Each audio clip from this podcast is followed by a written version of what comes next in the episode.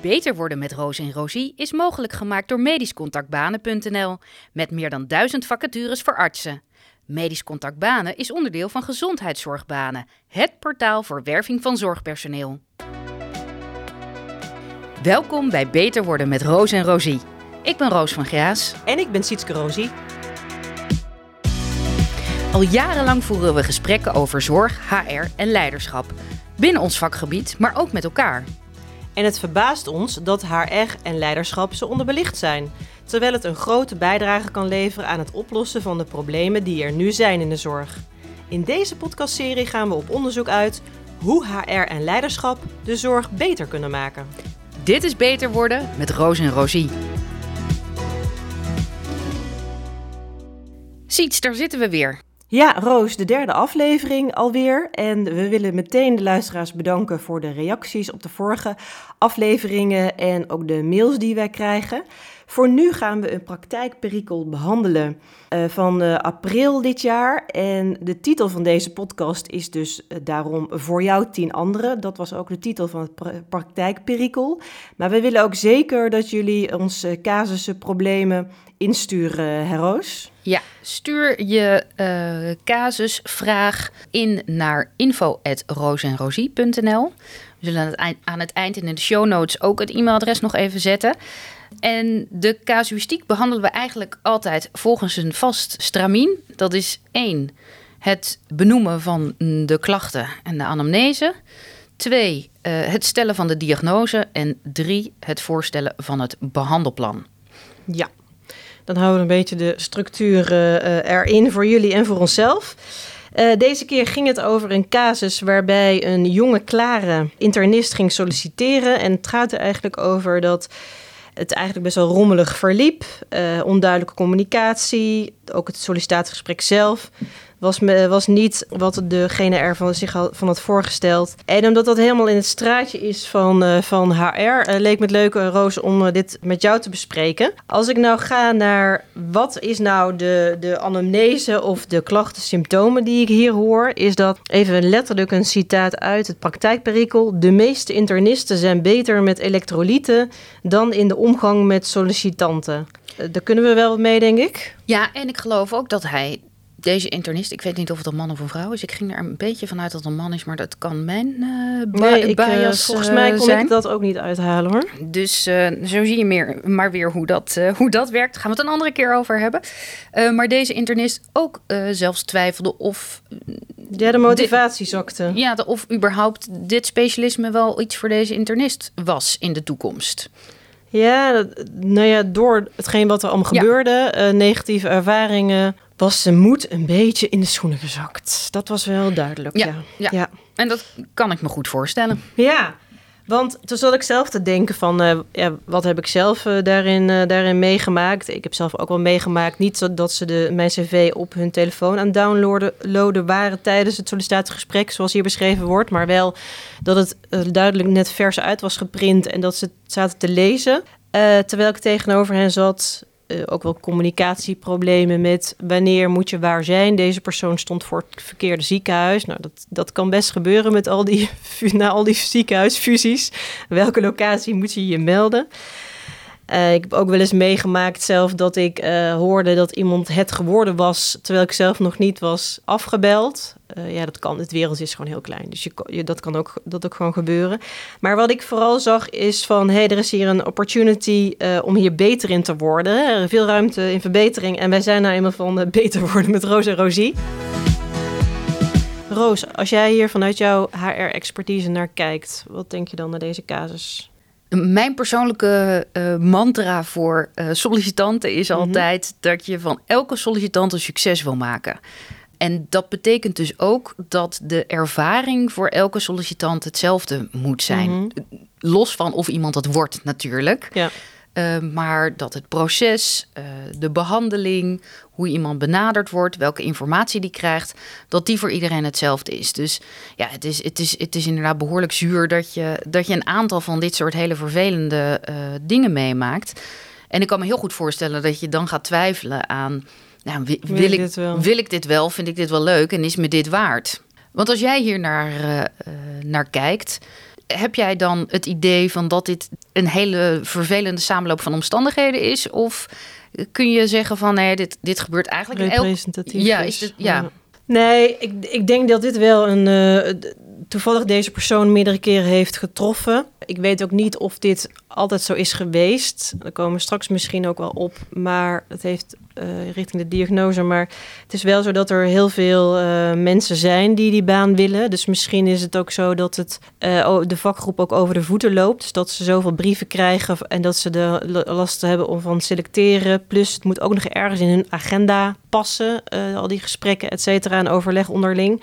Dus misschien ook omdat er nu een jonge klare probleem is. Dat wil zeggen dat er dus te veel, onder andere te veel internisten zijn voor het aantal banen, of in ieder geval aantal vaste banen.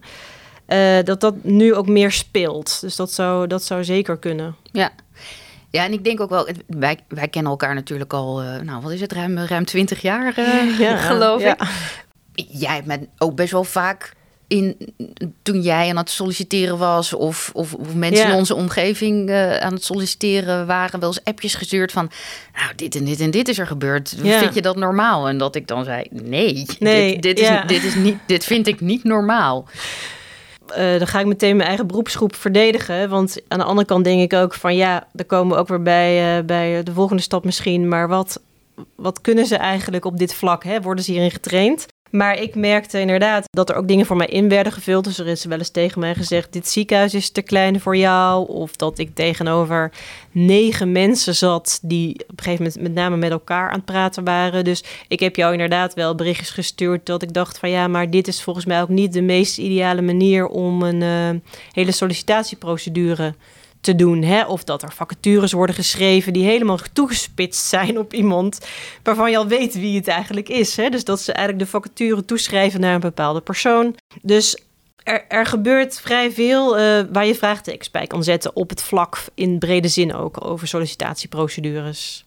En kunnen we nu, als we nu samenvatten wat de klachten zijn, zou, je, zou jij kunnen resumeren? Nou, er is onduidelijke communicatie. Eh, daarbij is het onduidelijk ook wie nou het woord voert. Dus er wordt gecommuniceerd via HR, er komt, er wordt gecommuniceerd via de vakgroep. Vervolgens is, het- is de communicatie onduidelijk van waar moet je zijn. Maar is het ook zo dat het zeg maar de afhandeling eh, te wensen overlaat.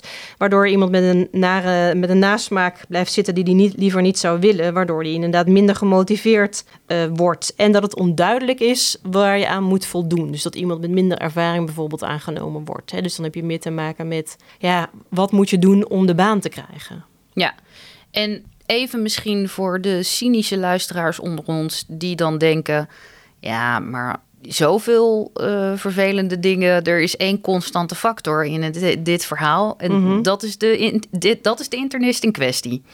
Nee, ik, ik denk niet dat, het daar, dat we het daar moeten zoeken. Ik denk wel dat het heel zuur is dat één iemand eh, dit allemaal meemaakt. Maar misschien dat er wel veel meer mensen de, dezelfde praktijkperikel kunnen schrijven. Wat ik heel erg proef is ook een hele, mm, hele drukke vakgroep. En gebrek aan eh, duidelijkheid over wie heeft welke rol binnen het sollicitatieproces. Ja, en los van de kwaliteiten van de Mhm. internist, misschien is die wel om hele valide redenen afgewezen, eh, gaat het inderdaad nu veel meer over: oké, hoe kan het dan dat er, dat er blijkbaar in, eh, in zoveel gevallen dingen niet goed lopen?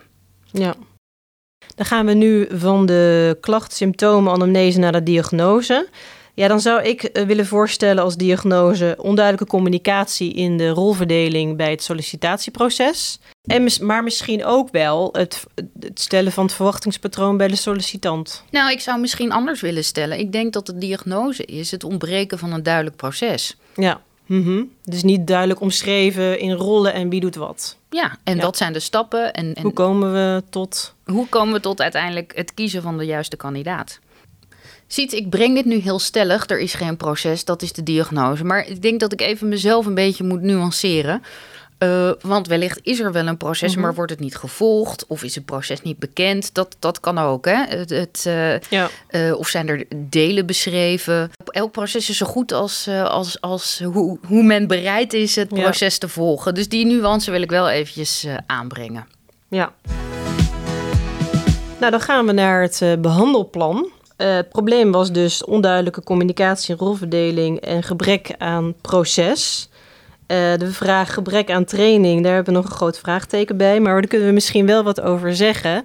En wat ik mezelf nog afvroeg is, is zou het zinvol zijn om dit soort processen te evalueren? Nou, dan zijn we nu toe aan het behandelplan. Laten we beginnen bij de sollicitatieprocedure. Roos, hoe weet je nou of je een goede sollicitatieprocedure te pakken hebt? Nou ja, aan het einde weet je dat als je gewoon heel veel blije sollicitanten uh, hebt die tevreden zijn en, mhm. en uiteindelijk de juiste kandidaat uh, aanneemt. Maar het is natuurlijk eerst even goed om, om te raden te gaan: hebben we een duidelijke sollicitatieprocedure? En hoe zijn die rollen en die verantwoordelijkheden gedefinieerd? En dat hoeft niet super ingewikkeld te zijn. Hè? Ik bedoel, niemand leest een, een, sollicitatieprocedure van uh, eh, 25 pagina's. Mm Maar een duidelijk stroomschemaatje waarin staat wie welke stap neemt en wie waar verantwoordelijk voor is. Uh, daar ondervang je eigenlijk alle drie deze punten mee. Dus... Ja, en hoe lang iedere stap gaat duren ook. Even naar de sollicitant toe. Of... Ja, precies. Dus, en, en heel veel dingen kunnen ook gewoon geautomatiseerd worden. Hè? Dus uh, je, iemand stuurt een brief in en iemand krijgt een automatische reply. Ja. Van dankjewel voor je, voor je sollicitatie. We zullen binnen vijf werkdagen contact met je opnemen. Nou, dat, daar hoef je helemaal niks voor te doen. Behalve één keer een autoreply in te stellen. Ja. Ehm, Mocht je nog vragen hebben, kun je contact opnemen met die en die persoon. Dat is heel makkelijk en heel simpel. Daar hoef je voor de rest niet meer zo over na te denken. Dan gaat het er inderdaad over dat je wel intern het zo voor elkaar moet hebben dat je ook binnen die vijf dagen reageert. Hè? En dat, dat is natuurlijk het eigen mhm. commitment wat je daaraan uh, Ja, en de agenda's uh, trekken. Want ik, ik las dan in de casus dat een sollicitatiecommissie op dezelfde dag ad hoc nog werd samengesteld. Terwijl je natuurlijk ook in je factuur misschien kan zeggen van uh, dan en dan vinden de gesprekken plaats. Even heel praktisch. dat kan en zeker met plannen is dat heel handig. Hè? Dus uh, als je van tevoren al zegt van uh, om ook maar een goede COVID-term te gebruiken van begin with the end in, in mind. mind yeah. Dus als we op uh, eh, 1 september een nieuwe medewerker willen laten beginnen, dat betekent dat alle papieren en documenten aangevraagd moeten zijn uh, op 15 augustus. Dat betekent dat het contract op 1 augustus getekend moet zijn. Ja. En dan kun je zo terug, terug gaan werken. En dan kun je die blokken ook al vastzetten in agenda's, kunnen mensen daar rekening mee houden. En natuurlijk, uh, het leven gebeurt, hè? dus er mhm. kunnen altijd dingen tussenkomen. Maar dan heb je in ieder geval een soort van leidraad waar iedereen zich op kan voorbereiden. Ik denk ook altijd dat het een belangrijk punt is dat één iemand verantwoordelijk is voor het proces. Mhm. En of dat nou een, uh, de opleider of de, de, een AIO's of, of, een, of, een secretaresse is. Voorzitter van de, van de sollicitatiecommissie die je opstelt. Ja, precies. precies maar er is één iemand verantwoordelijk en die zorgt ervoor dat die deadlines allemaal worden gehaald en dat iedereen netjes mm gemaild wordt. En die hoeft inderdaad niet zelf te gaan uh, mailen. Als het, als het heel veel brieven zijn bijvoorbeeld, ja, dan kan er inderdaad ook een soort van automatische mail worden gestuurd of een wat minder persoonlijke mail van, nou, we hebben zoveel brieven gehad, we kunnen niet ingaan op alle beweegredenen, maar je bent het niet geworden. Maar het is ook een stukje, want ik vraag me dan af, ja, waarom is het belangrijk? Er zijn natuurlijk veel, uh, er is misschien ook een soort luxe probleem dat er heel veel brieven zijn. Dus waarom zouden we ons best doen? Ik, ik chargeer hem even. Ja, waarom zouden we hier zoveel tijd en aandacht aan besteden? Ja, omdat je uiteindelijk natuurlijk de beste kandidaat wil. En de beste kandidaat heeft vaak veel te kiezen. Mhm. Eh, ook in een markt waarin er veel aanbod is. Ja, en die gaan dan toch een beetje kijken van oké, hoe word ik behandeld? Wat is de sfeer hier? Hoe gaan mensen met elkaar om?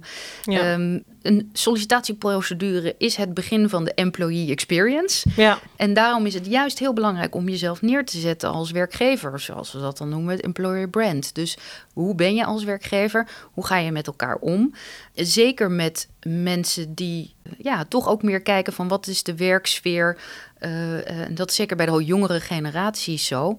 Uh, wat is de werksfeer? Hoe gaan mensen met elkaar om? Wat voor uh, waardes delen we hier met elkaar? Vind je dat daar nog een uh, verschil in moet zitten of je iemand aanneemt als AIOS voor een opleiding of voor een tijdelijke plaats als medisch specialist dan bijvoorbeeld in het voorbeeld of voor een vaste plek in de vakgroep? Want ik heb het idee dat daar nog verschillend aandacht aan wordt besteed. Ik ben zelf ook interimmer, dus ik, ik doe ook tijdelijke opdrachten dan is er vaak een soort van een acute, acute situatie. Mhm. Of dan heb je nu iemand nodig. Ja. Ja, dan ga je niet vijf gesprekken met iemand, eh, Nee. iemand voeren. Dus dat zal allicht eh, sneller gaan. Maar ook met interim opdrachten of met kortere opdrachten...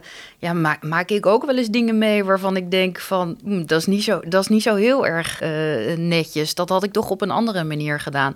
En wat het doet, is dat het toch... Dat dat blijft hangen en mensen Mhm. praten met elkaar. Ja, ja. Dus als ik ben geïnterviewd voor een tijdelijke rol en er wordt gezegd van eh, je bent het niet geworden om, eh, om die en die reden of eh, ehm, we komen er nog op terug en er wordt uiteindelijk niet op, Mhm. op teruggekomen.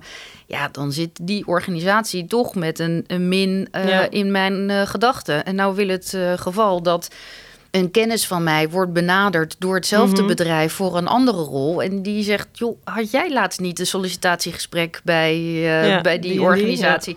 Ik zeg, ja, ik vond het er een puinbak. Ik zou het niet doen. Ja. Nee, zeker En- als je dan ook nog voor HR moet gaan werken. Dus dan, Ja. dat, dan, dat, dat, en dat, wereldje is niet, eh, niet veel eh, groter Nee, bij dat- artsen. ja, dat, dat klopt. Ik bedoel, je, ja, je wil liever niet dat deze praktijkperikels over jouw ziekenhuis ook gaan of over jouw vakgroep helemaal mee eens. Dus er moet een proce- procedure zijn, de rollen moeten duidelijk verdeeld worden, iemand moet eindverantwoordelijk zijn. Ja, ik denk dan ja, inderdaad het beste resultaat wil je. Hoe kan je dat eh, uiteindelijk beoordelen en, en wat als dat niet goed gaat? Ja, moet, moet je bij jezelf te raden gaan natuurlijk als je elke keer denkt van oh, we hebben weer de verkeerde gekozen. Ja, nou, zoals, zoals ik al zei, je wil, je, het doel is altijd om van elke sollicitant een succes te Mhm. maken. Die sfeer wil je ook creëren in je sollicitatiegesprek, omdat je er op die manier het beste achter komt of er een match is tussen jou en, Ja. en de organisatie, of tussen de organisatie en de sollicitant. Dus als je openheid in je sollicitatiegesprek creëert en daar een goed gesprek over hebt op, op gelijkwaardig niveau, dan kun je aan het einde van het gesprek ook gelijk feedback vragen van hoe heb je dit ervaren? Oh jee, ja. En- Oh, dat eh, is echt nieuw voor mij. Ja, wa- wat vond je van dit eh, gesprek? Zijn al je vragen beantwoord? Eh, zijn er bepaalde verwachtingen die je had die wel of niet Mhm. zijn uitgekomen? En dan kun je direct feedback vragen. Maar dat kan ook naderhand. Dat je zegt van, eh, goh, we gaan nu eens evalueren hoe al onze sollicitanten de afgelopen procedure hebben ervaren. Daar, daar kun je een, een, een survey monkey of Ja, iets anders voor ja. uitsturen. Maar ik vind dat heel prettig om direct te vragen van, goh, Ik wat vond je hiervan? nee, ik ken dit helemaal niet. Nee, dit is, is mij nog nooit gevraagd. Niet direct, niet indirect, niet na drie jaar, twee jaar, half jaar. Nee, dit is... eh, En waarom denk je dat dat niet, eh, dat het niet is gebeurd? Nou, dat is ook wel waar, wa- waar, want het gebeurt natuurlijk wel dat er, de, dat, ze, dat er na een paar maanden wordt gedacht: oh, we hebben eigenlijk eh, de verkeerde gekozen, of we hadden eigenlijk niemand moeten kiezen. Want het natuurlijk ook vaak staan ze in de stand van er moet iemand gekozen worden. En het kan gewoon natuurlijk zo zijn dat er gewoon op dat moment niemand eh, passends eh, tussen zit. Eh, waarom ze dat? Ik denk toch misschien dat het, ehm, dat, dat het gewoon ook een, een vorm van gebrek aan bekwaamheid is. Dus een soort onbewuste onbekwaamheid voor hoe ga je nou met zo'n hele sollicitatieprocedure om en hoe word je daar beter in. Want het is natuurlijk iets. Eh, je hebt wel sollicitantentrainingen. Maar je hebt eigenlijk geen trainingen of, of cursussen of wat dan ook voor degene die de sollicitatie afneemt. Die zijn er eh, waarschijnlijk wel in andere sectoren, maar ik, ik ben ze nog niet tegengekomen. Ja. Los van een training. Hè? Ik denk ook, ook weer dat je kan kijken van... maar je hebt ook een natuurlijke nieuwsgierigheid... of, of, Mhm. of een natuurlijke... of een intrinsieke interesse in de ander. Althans, dat mag, dat mag ik Ja. hopen dat die er is. Dus ja, waar- waarom zou je het niet vragen? En los van... eh, je vraagt ook niet van hoe heb ik het gedaan of, of, of Nee, hoe vind nee, je dat nee. voor een vraag is dat. Maar goh, had je het nog ergens anders over willen hebben? Of vind je dat we alle onderwerpen genoeg hebben uitgediept? Ja. En dit zijn natuurlijk wel eh, Mhm. gesloten vragen. Daar kun je, daar kun je Mhm. ook iets, iets opens van maken. Maar dat levert misschien wel hele goede inzichten op. Ja. Heel vaak is het voor, eh, voor degene die de gesprekken afnemen ook best wel eh, iets wat ze niet heel vaak doen. Dus waar ze niet super eh, vertrouwelijk mee zijn. Dus ik heb ook wel eens ergens gezeten dat ik dacht van wie is er nou het meest zenuwachtig? Hè? De, de groep radiologen of voor mij of ikzelf. De, dus, dat, dus misschien is het toch... En dan denk ik van ja, als je ergens uh, mee oefent en dan misschien inderdaad met wat achtergrondinformatie, word je er ook beter in en word je er ook vertrouwd, ja, raak je er meer in vertrouwd en word je er ontspannender in ook ja, vanuit die kant. Ik vind het dus al heel geestig dat je zegt van wie is er meer zenuwachtig? Ik of de, of de groep denk zenuwachtig voor, voor een sollicitatiegesprek. Ja, maar meen ik, ja, maar ik, dat, die indruk heb ik echt wel eens gehad en dan wordt het een, ook een beetje een oncomfortabel geheel. Hè? Er zitten al, vaak zitten er heel, best wel veel mensen tegenover je. Je hebt ook wel eens dat je zo'n carousel hebt, dat je dan twee per twee per twee. Maar ook wel dat je dat er soms wel inderdaad, wat ik al noemde, negen mensen, maar zes is zeker niet ongebruikelijk. En ik begrijp wel dat dat uit een soort eh, betrokkenheid is en interesse. Alleen het kan natuurlijk ook best wel. Ehm, ja, niet bedreigend, maar het is best intimiderend overkomen. Ja. En ik vraag me altijd af, welk doel dient het hè, als je met zoveel mensen gaat zitten. Dus ik vraag me af inderdaad in hoeverre er gereflecteerd wordt in de groep op de onderdelen van zo'n sollicitatieprocedure. En dat is precies wat ik bedoelde met zorg dat die procedure duidelijk is. En nogmaals, het hoeft allemaal helemaal niet super gecompliceerd te zijn. Mhm. Maar wat willen we weten? Oké, we willen weten wat iemands achtergrond is en, en wat is de vakkennis. We willen weten hoe is iemand als persoon. Dus wat, drijft iemand? Wat zijn de, de waarden uh, die iemand heeft? En hoe is iemand als collega? Mhm. Volgens mij zijn dat een beetje de drie hoofddingen die je wil weten. Dus als je dan denkt van oké, we hebben een vakgroep. Uh, dat betekent dat we met elkaar een bedrijf gaan uh, runnen. Dus je wil elkaar goed leren kennen. Knip dat soort dingen dan op. En zorg ervoor dat je inderdaad weet waarvoor je uiteindelijk kiest. Ja, dat je ook uh, afspreekt wie stelt welke vraag bijvoorbeeld. ja, wie focust zich uh, waarop? En als je iemand in een, in een vakgroep of in een team hebt zitten die zich wat minder comfortabel voelt met het, met het vragen naar persoonlijke uh, ervaringen, nou dan gaat die misschien eerst een beetje zitten op de vak, vakkennis. Ja. dus je moet ook heel goed kijken van waar voelt iemand zich mm -hmm. comfortabel bij. Ja. Dus dat is denk ik belangrijk om te doen. Dus zorg ervoor dat dat helder en duidelijk is en dat iedereen weet waar die, waar die aan toe is. En dat, datzelfde geldt ook inderdaad voor de kandidaat. Dan weet de kandidaat ook wat hij moet verwachten. Oké, je hebt eerst een half uur een gesprek met die en die. Dat mhm. zal gaan over jouw uh, ervaring als Ja, want dat was een ander ding, hè? dat er dus niet uh, bekend was met wie degene het gesprek zou voeren dat, dat kan een aantal oorzaken hebben. Dus of, of ze weten het zelf nog niet en er wordt gekeken nee, precies, op het dat er, wie er in de agenda uh, tijd heeft op dat moment. Ja. ja.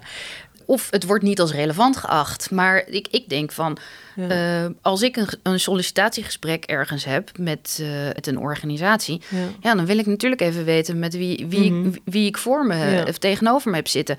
Dan ga ik ook even kijken naar wat, wat voor LinkedIn-profiel uh, mm -hmm. heeft die persoon. En dat wil je omdat je weg wil gaan van die ouderwetse, even tussen aanhalingstekens, ongelijkwaardigheid tussen partijen. Dus als je een gelijkwaardigheid van partijen creëert, dus een soort van level playing field. Mhm. Dan uh, zorg je er ook voor dat je veel meer een gesprek voert. En dus mhm. veel beter kan beoordelen. Er wordt geen ondervraging, uh, verhoor, uh, dat soort termen. Precies, dus dat je dus veel beter kan kijken past iemand bij ons en passen wij bij die persoon, omdat je uiteindelijk wil zorgen dat je een goede uh, medewerker aanneemt die goed in je team past. En ja. dat ga je niet voor elkaar krijgen als iemand die tegenover je zit het idee heeft dat hij zich moet bewijzen. Uh, mm -hmm. Of dat de sollicitatiecommissie het idee heeft dat ze moeten testen of iemand wel bij je past. En daarom zei ik van, mm -mm. ik kan me zo moeilijk voorstellen dat je zenuwachtig bent, omdat ergens zenuwachtig voor zijn al betekent dat er heel veel van afhangt en dat er ongelijkwaardigheid in partij, ja. partijen zit. Ja. En ik, wat ik zou willen is of wat ik altijd wil in mijn sollicitatiegesprekken, is dat je gewoon echt een normaal gesprek met elkaar voert. En dat kan over leuke dingen gaan, lastige dingen. Maar eh, even heel concreet, uh, want we gaan nu best wel ver van de casus af. Hè? Want er, was, er is, eh, nou, ik, ik, heb al, ik al heel veel inzichten nu gehoord. En ik denk de luisteraars ook. Allerlei ideeën waar je mee aan de slag zou, zou kunnen. Waardoor het ook voor jezelf bijna leuk wordt. Hè? Het, kan, het moet gewoon eigenlijk, om een succes te maken van een sollicitant, moet je eigenlijk ook zorgen ja, dat het in inderdaad een, een, dat er een ontspannen sfeer is. Heb jij heel concreet een idee, uh, of hoe doe jij dat, hoe je een ontspannen sfeer kan creëren? Want ik denk dat je toch ongelijkwaardig begint. Uh, omdat de een die wil een baan en de ander zoekt iemand. Dus ja, ik, ik zie het in de medische sector toch nog wel als ongelijkwaardig bij het begin. Heb jij een suggestie hoe je iemand op zijn gemak zou kunnen stellen, een sollicitant? Nou, ten eerste is al om genoeg informatie op voorhand te geven. Dus met wie ga je praten? Hoe lang gaat het gesprek duren? Wat zullen de ongeveer de onderwerpen uh, zijn? dat ook duidelijk te vertellen. Ook waar moet je zijn? Uh, mm zorgen dat er iemand klaar staat om iemand te verwelkomen. Ja. ja, dat, dat soort ik noem het eigenlijk de, de basale dingen. de die hygiëne. Ja, het zijn eigenlijk, ja. eigenlijk, gewoon normale omgangsvormen, toch? Als jij een afspraak hebt, dan wil je toch ook gewoon weten met wie je een afspraak hebt. Ik bedoel... Nou, ik kan je nog heel verhaal vertellen over uitrijkaarten van de parkeergarages van ziekenhuizen. Maar... Natuurlijk, en we kunnen allemaal een, een, een soort van uh, kofferbak met anekdotes uh, opnoemen waarbij het niet goed gegaan is. Ook bij, ook bij mezelf. Dus we hebben het hier inderdaad over de ideaalsituatie. Maar zorg ervoor dat iemand anders dus ook genoeg informatie heeft om zich te kunnen voorbereiden op, uh, op zo'n gesprek. En zorg ervoor dat je een open sfeer creëert. En dan is de vraag van, ja, creëer je een open sfeer door een heel groot panel te hebben? Of moet je mhm. dat opknippen in wat kleinere settings? Zit je aan een lange tafel of uh, zorg je ervoor dat je aan een rondtafeltje zit om wat meer intimiteit te creëren? Als je ergens binnenkomt en er is een lange vergadertafel, ga je dan alle twee aan de overkant zitten? Of zorg je ervoor dat één iemand op de kopse kant zit en iemand anders aan de zijkant, zoals wij hier nu zitten? Want dan heb je al direct een andere sfeer. Ja. Zijn kleine dingen, maar helpen heel erg. Geef mhm. ook iemand anders uh, de ruimte om vragen te stellen. Uh, stel je functioneel kwetsbaar op door inderdaad ook te vragen van... goh, wat vond je hiervan? Of uh, wat waren jouw verwachtingen van het gesprek? Je kan ook beginnen, hè? Wat zijn je verwachtingen van dit gesprek? Mm -hmm. En dat... Ik, ja, ik, denk, ik denk dat er gewoon heel veel dingen... dat het helemaal geen onwil is... Maar dat het gewoon ook echt, uh, dat ze heel veel dingen niet, uh, niet, niet weten. Dat dit allemaal meespeelt. En dat je dus hier vrij eenvoudig eigenlijk resultaat mee kan boeken. Ja, maar ook, ook hier zou ik weer willen zeggen van... hoe doe je dat met je patiënt? Weet je, als, je, als, je, ja. als je je patiënt... Je weet dat daar een, een, een ongelijkwaardigheid uh, mm-hmm. in zit... Uh, daar stel je ook bepaalde vragen bij om mensen op hun gemak te stellen. Of, heb je, of heb je een bepaalde lichaamshouding? Uh, of hou je je stethoscoop wel of niet om je nek? Ja, dat is ook een leuke. Ja, dat is uh, inderdaad om achter s'avonds nog in je witte jas zitten. Dat, Why? Weet je? En besef dat je daarmee ook een hele, hele duidelijke boodschap, afgeeft. Dus die non-verbale communicatie, bedoel, wat je zegt is maar 10% van wat je zegt. Of wat, hoe iets overkomt. Ja. Dus waar ga ik zitten? Hoe ga ik met iemand om? Kijk ik naar beneden? Ik heb vaak cv's voor me. Die print ik het liefst uit, want dan heb je een makkelijker gesprek. Maar als ik hem op mijn laptop heb, zal ik altijd zeggen: ik heb mijn laptop open en daar heb ik je cv op staan. en ik maak af en toe aantekeningen. Ik ben geen mails aan het beantwoorden, weet je Gewoon om mensen... Geheime dingen aan doen, ja. Ja, maar gewoon niet dat, dat mensen denken van... oké, die zit naar de laptop te staren... omdat ik het zelf mhm. geen prettige manier van met elkaar praten uh, vind. Ja, want dat kan gewoon echt voorkomen. Ik weet gewoon, ik ken voorbeelden van mensen die al ergens werkten al twee jaar bijvoorbeeld uh, een tijdelijke rol hadden en dan voor de, voor de vaste baan gingen en in dat gesprek finaal de mist in gingen omdat, ze, omdat het zo'n arilex situatie was waarin ze heel erg nerveus waren en blijkbaar ook de groep niet in staat was om dat uh, eruit te krijgen of om diegene op hun gemak te stellen, terwijl diegene daar dus al twee jaar werkte. En het, die, ik ken meer van dat soort verhalen, dus het is ook echt wel een vaardigheid uh, ja. om dat uh, zo te doen. Mijn belangrijkste tip, of wat ik bij mezelf ook altijd doe, is behandel iemand gewoon zoals je zelf behandeld zou willen worden als jij in die situatie zou zitten. Dus stop het dan, gesprek dan ook even in de zin van, goh, ik zie dat je heel erg zenuwachtig bent op dit mhm. moment.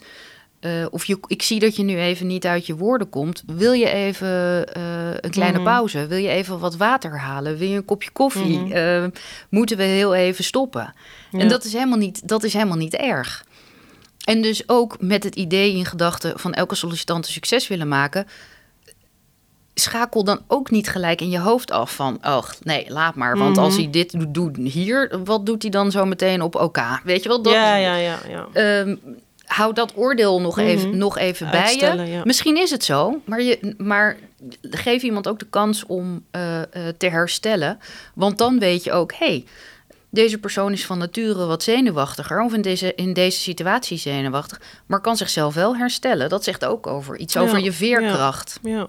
Ja, ik, nee, Roos, wat je zegt allemaal is denk ik super waardevol. En ik denk dat we de, de diagnose, sollicitatieprocedure, de rolverdeling daarin en de communicatie uh, we hebben toegelicht. En hoe je daarin een verbeteringen aan zou kunnen brengen. op een, zoals ik het hoor, hele toegankelijke manier. Heb jij nog een, een laatste tip of advies als je zo kijkt naar de hele situatie en mijn reacties op jouw adviezen tussendoor? Mijn verbazing soms. Ja, en ik besef me ook wel terdege dat nou ja, dit, er ook vakgroepen of afdelingen zijn die mhm. juist uh, heel blij zijn als ze één brief krijgen, omdat ze ergens uh, ver uh, in, het, in het mhm. achterland zitten. Ja, ja. Ehm, dus ik besef me ook goed dat dit nu even van toepassing is op een, een casus waarbij er mhm. dus veel aanbod is en minder vraag mocht, uh, mocht iemand nou zitten te luisteren en zeggen van ja, maar wij hebben juist precies het, andersom. andersom. Niemand, niemand, stuurt een brief of uh, ja. En, en, we moeten maar iemand aannemen die wel een brief stuurt en dan mhm. lopen we er tegenaan dat het eigenlijk helemaal niet de juiste kandidaat is. Ja. Uh, laat het ons dan weten, want dan kunnen we daar ook altijd nog een, een aflevering over maken. Nee, zeker. Ik denk dat solliciteren, daar kunnen we zo makkelijk met z'n tweeën tien afleveringen over maken. We hebben het nu even beperkt tot deze casus en de onderdelen die daar naar voren kwamen. Zo, we vatten hem nog eventjes samen. De diagnose was sollicitatieprocedure. Daar is mogelijk gebrek aan geweest. De rollen daarin gedefinieerd zijn uh, belangrijk en moeten duidelijk zijn. En de communicatie uh, naar de sollicitant toe en ook onderling. Roos, kan jij hem nog even de, het behandelplan samenvatten? Ja, dus zorg ervoor dat er een duidelijke sollicitatieprocedure is. Waarin kort de rollen, de verantwoordelijkheden uh, beschreven staan en iedereen ook weet wat hij moet doen en hoe je dit communiceert naar de uh, sollicitant toe. Dat het belangrijk is om de natuurlijke eigenschappen die je als arts hebt, daar gebruik van te maken. Dus je nieuwsgierigheid, de, de mogelijkheid om mensen op hun gemak te stellen, om de juiste vragen te stellen. Artsen hebben superveel tools al in hun eigen persoonlijkheid en toolkit zitten om, om een heel goed sollicitatiegesprek te voeren. En als je dat doet, um, als je oprecht bent en uh, van elke sollicitant een succes wil maken, dan kan de sollicitant niet anders dan daar met een goed gevoel op terugkijken. Ook al is die het niet geworden. Zolang een mm-hmm. sollicitant maar snapt: ik ben het niet geworden om deze en deze reden. Er is respectvol met mij omgegaan. Uh, dan zal die daar absoluut vrede mee mm-hmm. hebben. En dan lopen we niet tegen het probleem aan dat mensen aan zichzelf of aan de keuze voor hun, hun, hun specialisatie gaan uh, twijfelen, omdat ze vervelende ervaringen hebben gehad. Ja, maar dan wordt, kan het zelfs, gaan we een andere keer over hebben, zelfs een leerervaring worden. Absoluut. Oké, dit was de casus op basis van de praktijkperikel uit medisch contact voor jou, tien anderen. Uh, dan is natuurlijk, gaan we over naar onze oproep. Want Roos, wij willen nog steeds veel beter worden en andere mensen uh, helpen om dat ook te worden. We hebben nu al uh, ontzettend veel uh, reacties binnengekregen uh, mm -hmm. via alle platforms van social media en persoonlijk via de WhatsApp. Maar binnen de Medfeed app kun je reviews geven. Doe dat vooral. ik begreep dat het via de Medfeed desktop versie wel kan, via de app nog niet. Nee, maar wordt, wordt aan gewerkt wordt aan gewerkt. Doe dat via de Medfeed desktop versie. En er is ook een feedback knop altijd als je denkt waar moet ik mijn reactie, commentaar, et cetera kwijt. Ja, Precies, dat kan. En je kan naar onze website, dat is www.roosenrosie.nl. En dat is N uitgeschreven, dus E-N en Rosie met een Z. R-O-Z-I-E.nl. Daar kun je naartoe voor vragen, opmerkingen uh, en comments. Uh, je kan daar je vraag insturen als je een persoonlijke casus aan ons wil voorleggen. Maar ook als je zegt van, eh, goh, ik zou iets meer over dit onderwerp in de, uh, over HR en leiderschap in de zorg willen weten. Stuur ons naar, dat naar ons toe. We hebben ook een Instagram-account, daar kun je naartoe. Ja. Dus we doen volledig ja, mee met alle, so met alle socials. Dus je kan ons op vele manieren bereiken. bereiken. Doe dat vooral, vinden we onwijs leuk om, om te horen. Dan willen we je bedanken voor het luisteren en tot de volgende keer. Dit was Beter Worden met Roos en Rosie.